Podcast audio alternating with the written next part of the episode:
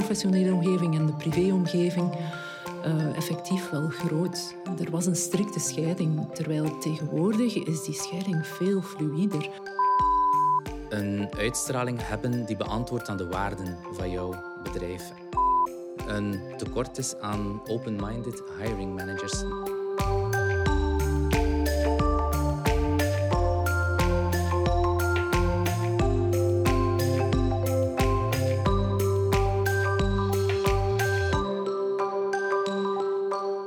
Welkom bij een nieuwe aflevering van HR Deep Dive, waarin we een aantal actuele HR-thema's samen bespreken. Vandaag een inclusieve dresscode op de werkvloer. En ik ga hiervoor heel graag in gesprek met Pieter Ugil, Head of Marketing and Culture bij Accent. Welkom. En Dewi Wibowo, Head of Sustainability bij Stepstone. Een eerste vraag misschien heel kort. Kunnen jullie Accent en Stepstone nog heel even zetten? Zeker. Accent is een talent placement bedrijf. Dus dat betekent dat wij kandidaten die op zoek zijn naar een job matchen met vacatures die wij bij onze klanten hebben. En Stepstone is een e-recruitment platform. Dus eigenlijk waar dat bedrijven en werknemers elkaar kunnen terugvinden. Oké. Ja, we hebben het in de titel al gehoord, een inclusieve dresscode op de werkvloer. Pieter, je spreekt niet graag van dresscode, hè? maar waarom zouden we er überhaupt over moeten spreken? Klopt, een dresscode kan vaak ook al van in het begin beperkend aanvoelen. Heel veel mensen kunnen dan vaak de connotatie krijgen dat er al bepaalde beperkingen, restricties worden gegeven, uh, wat eigenlijk niet de bedoeling is. Uh, als we over dit verhaal spreken. Maar we zien wel, eh, als we kijken naar de afgelopen jaren, eh, en ik denk dat meerdere zaken daarvoor de oorzaak zijn, we zien wel de afgelopen jaren dat er veel meer vragen daarover komen. Eh, dat er veel meer medewerkers zijn die misschien soms ook struggelen met oké, ik ben nu in een professionele context, wat mag ik wel dragen, wat mag ik niet dragen? Of we zien ook dat veel meer werkgevers zelf die nood beginnen te voelen om het daarover te hebben. Dus toch wel een zeer actueel thema op vandaag. Waarom denk je, Debbie, dat, dat mensen dan blijkbaar vroeger meer al aanvoelden hoe ze zich zouden moeten kleden? Wat is de evolutie die we ondergaan zijn?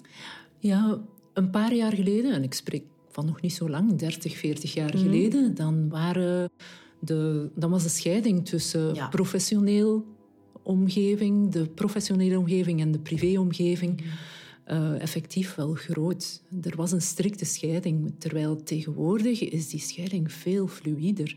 Mensen kleden zich veel informeler dan vroeger. Want ik denk dat 40 jaar geleden dat het enorm uitzonderlijk zou geweest zijn als iemand op sneakers naar het kantoor zou komen. Ja, mensen waren gewoon in, strak in pak, in das. Uh, dames waren er in hun tailleur en met hun uh, hakjes aan. Ja. En in sommige sectoren is dat vandaag nog altijd zo. Maar het concept van vrije tijdskledij, de herinnering ehm, dat mensen zich ook echt omkleden als ze thuis kwamen van het werk. Alsof je je uniform uitdeed en dan in een ander... Uh, vandaag doe je dat niet meer. Hè. Als je na het werk nog gaat uh, stappen met vriendinnen, heb je vaak s ochtends gewoon al de outfit aan waar je zin in hebt. Dus dat bewijst dat je die scheiding ook niet meer ziet. Mhm, klopt. Ja. Ik denk als je sowieso kijkt inderdaad naar de scheiding werk-privé, er is heel veel veranderd de afgelopen mhm. jaren. En ik denk dat corona alles nog in een stroomversnelling heeft uh, geplaatst. En dat mensen nog veel meer dan ervoor behoefte hebben om volledig zichzelf te kunnen zijn op het werk. En kledij is een stukje van jouw identiteit. Dus mensen willen echt dat er geen onderscheid of veel minder een uitgesproken onderscheid is tussen werk en privé. Ja, je zei het, COVID... Ehm, homeworking, iets, en voor mij was dat toch een volledig nieuw concept. Ik had nog nooit een Teams-call gedaan voor die tijd. Zoals zoveel. Zoals zoveel. Maar ehm, wat zijn daar zo de richtlijnen bijvoorbeeld die jullie aanvoelen? Want dat is jullie sector. Zijn daar werkgevers die zeggen... en ik wil niet dat mijn werknemer in jogging op zijn Teams-call verschijnt? Er zijn zeker werkgevers die dat verwachten. En ik denk dat dat ook een realistische verwachting is. Enerzijds heb je inderdaad de grenzen tussen werk en thuis die aan het vervagen zijn. Maar ook al ben je van thuis uit aan het werk, je bent wel nog altijd een uithangbord voor jouw werkgever. Je hebt nog altijd calls met klanten, kandidaten, andere collega's, noem maar op. Dus jouw uitstraling, eh, de manier waarop dat je jouw bedrijf vertegenwoordigt, jouw werkgever vertegenwoordigt, dat blijft even belangrijk. Of dat dan nu in de thuisomgeving is of in de werkomgeving is. Ja, die uitstraling van het bedrijf. Ehm, is dat waarom er vaak richtlijnen zijn? Om te zorgen dat dat team toch een beetje hetzelfde uitstraalt? Dat is een belangrijke insteek. Um, voor mij moet niet noodzakelijk een team hetzelfde uitstralen, mhm. maar je moet natuurlijk wel een uitstraling hebben, hebben die beantwoordt aan de waarden van jouw bedrijf. En je wil als bedrijf natuurlijk, als je x aantal medewerkers in dienst hebt, dat die mensen een ambassadeur zijn voor jouw merk en geen afbreuk doen aan jouw merk. Is dat voor jou ook zo? Dat is uh, inderdaad het geval. Nu, wij hebben een heel diverse uh, personeelsbestand.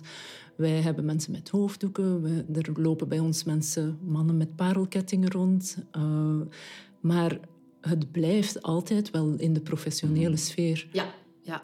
dus kleed je eerder op dan uh, down, of uh, hoe zeg je dat? Ik mhm. kan mij ook voorstellen dat het afhangt van ja, welke sector je in zit. Hè. Ik weet niet of er veel mannen met nagellak en parelkettingen rondlopen die bijvoorbeeld uh, in de haven van Antwerpen werken. Ik zeg maar wat. Voelen jullie dat ook zo aan? Dat het toch ook wel...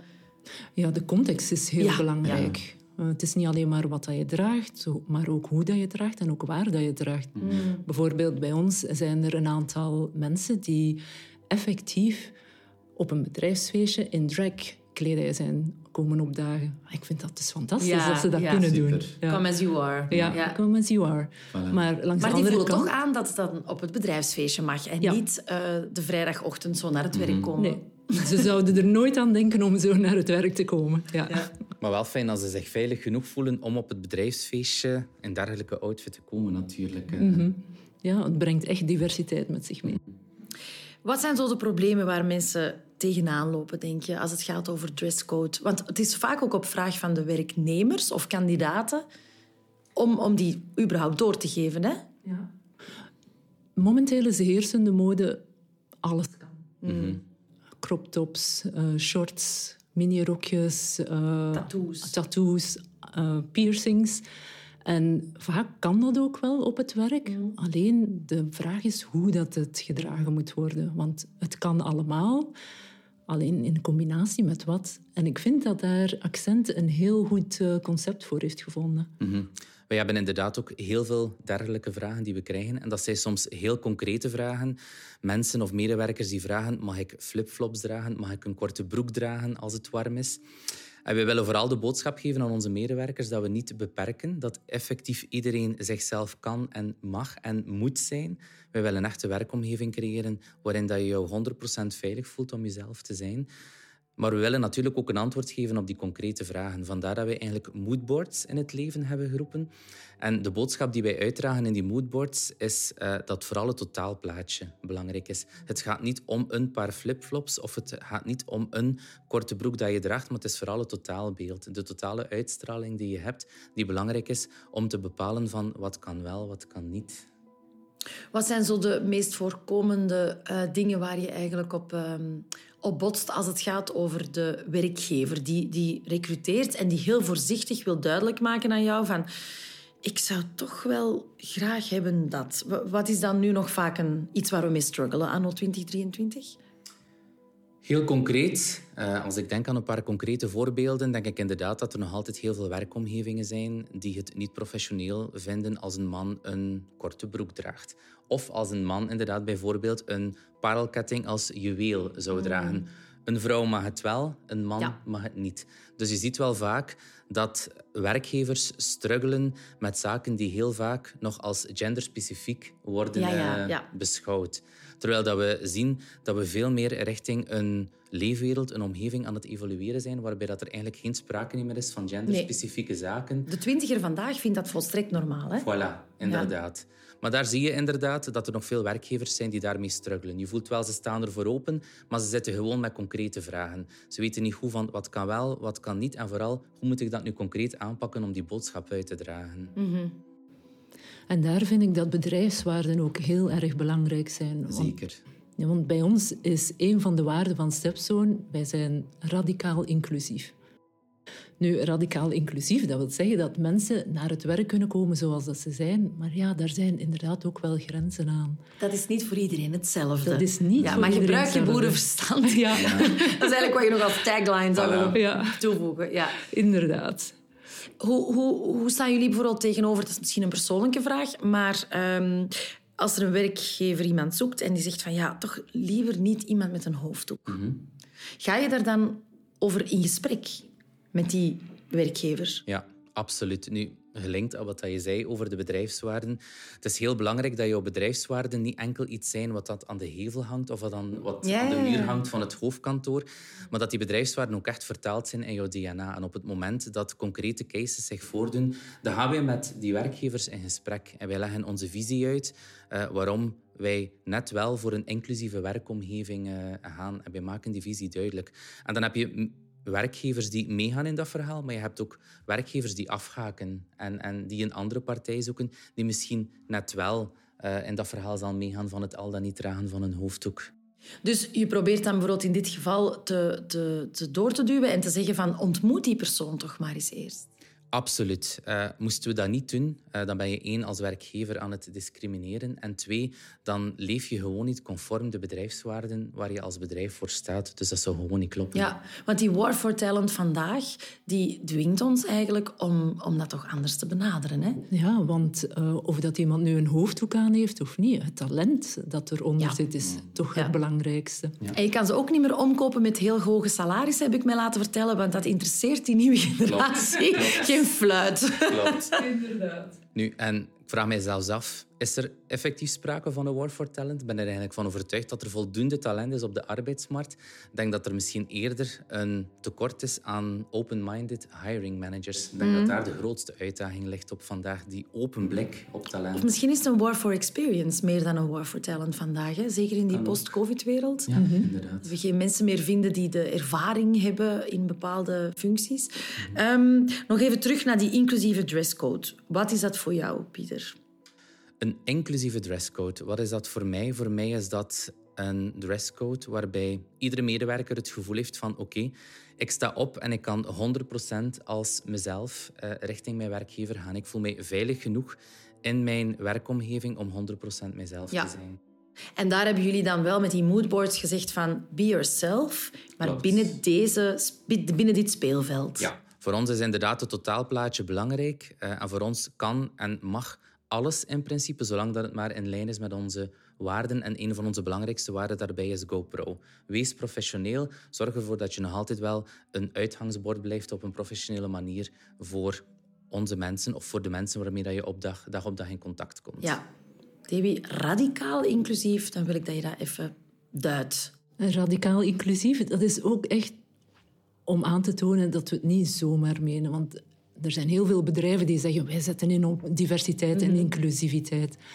Dat is bij ons gewoon zo. Het feit dat er mensen naar, eh, naar een bedrijfsfeestje komen in een drag-outfit. Ja. Het feit dat eh, mensen met hun hoofddoek komen of een jaar later beslissen om zonder hun hoofddoek eh, te komen. Dat kan allemaal bij ons.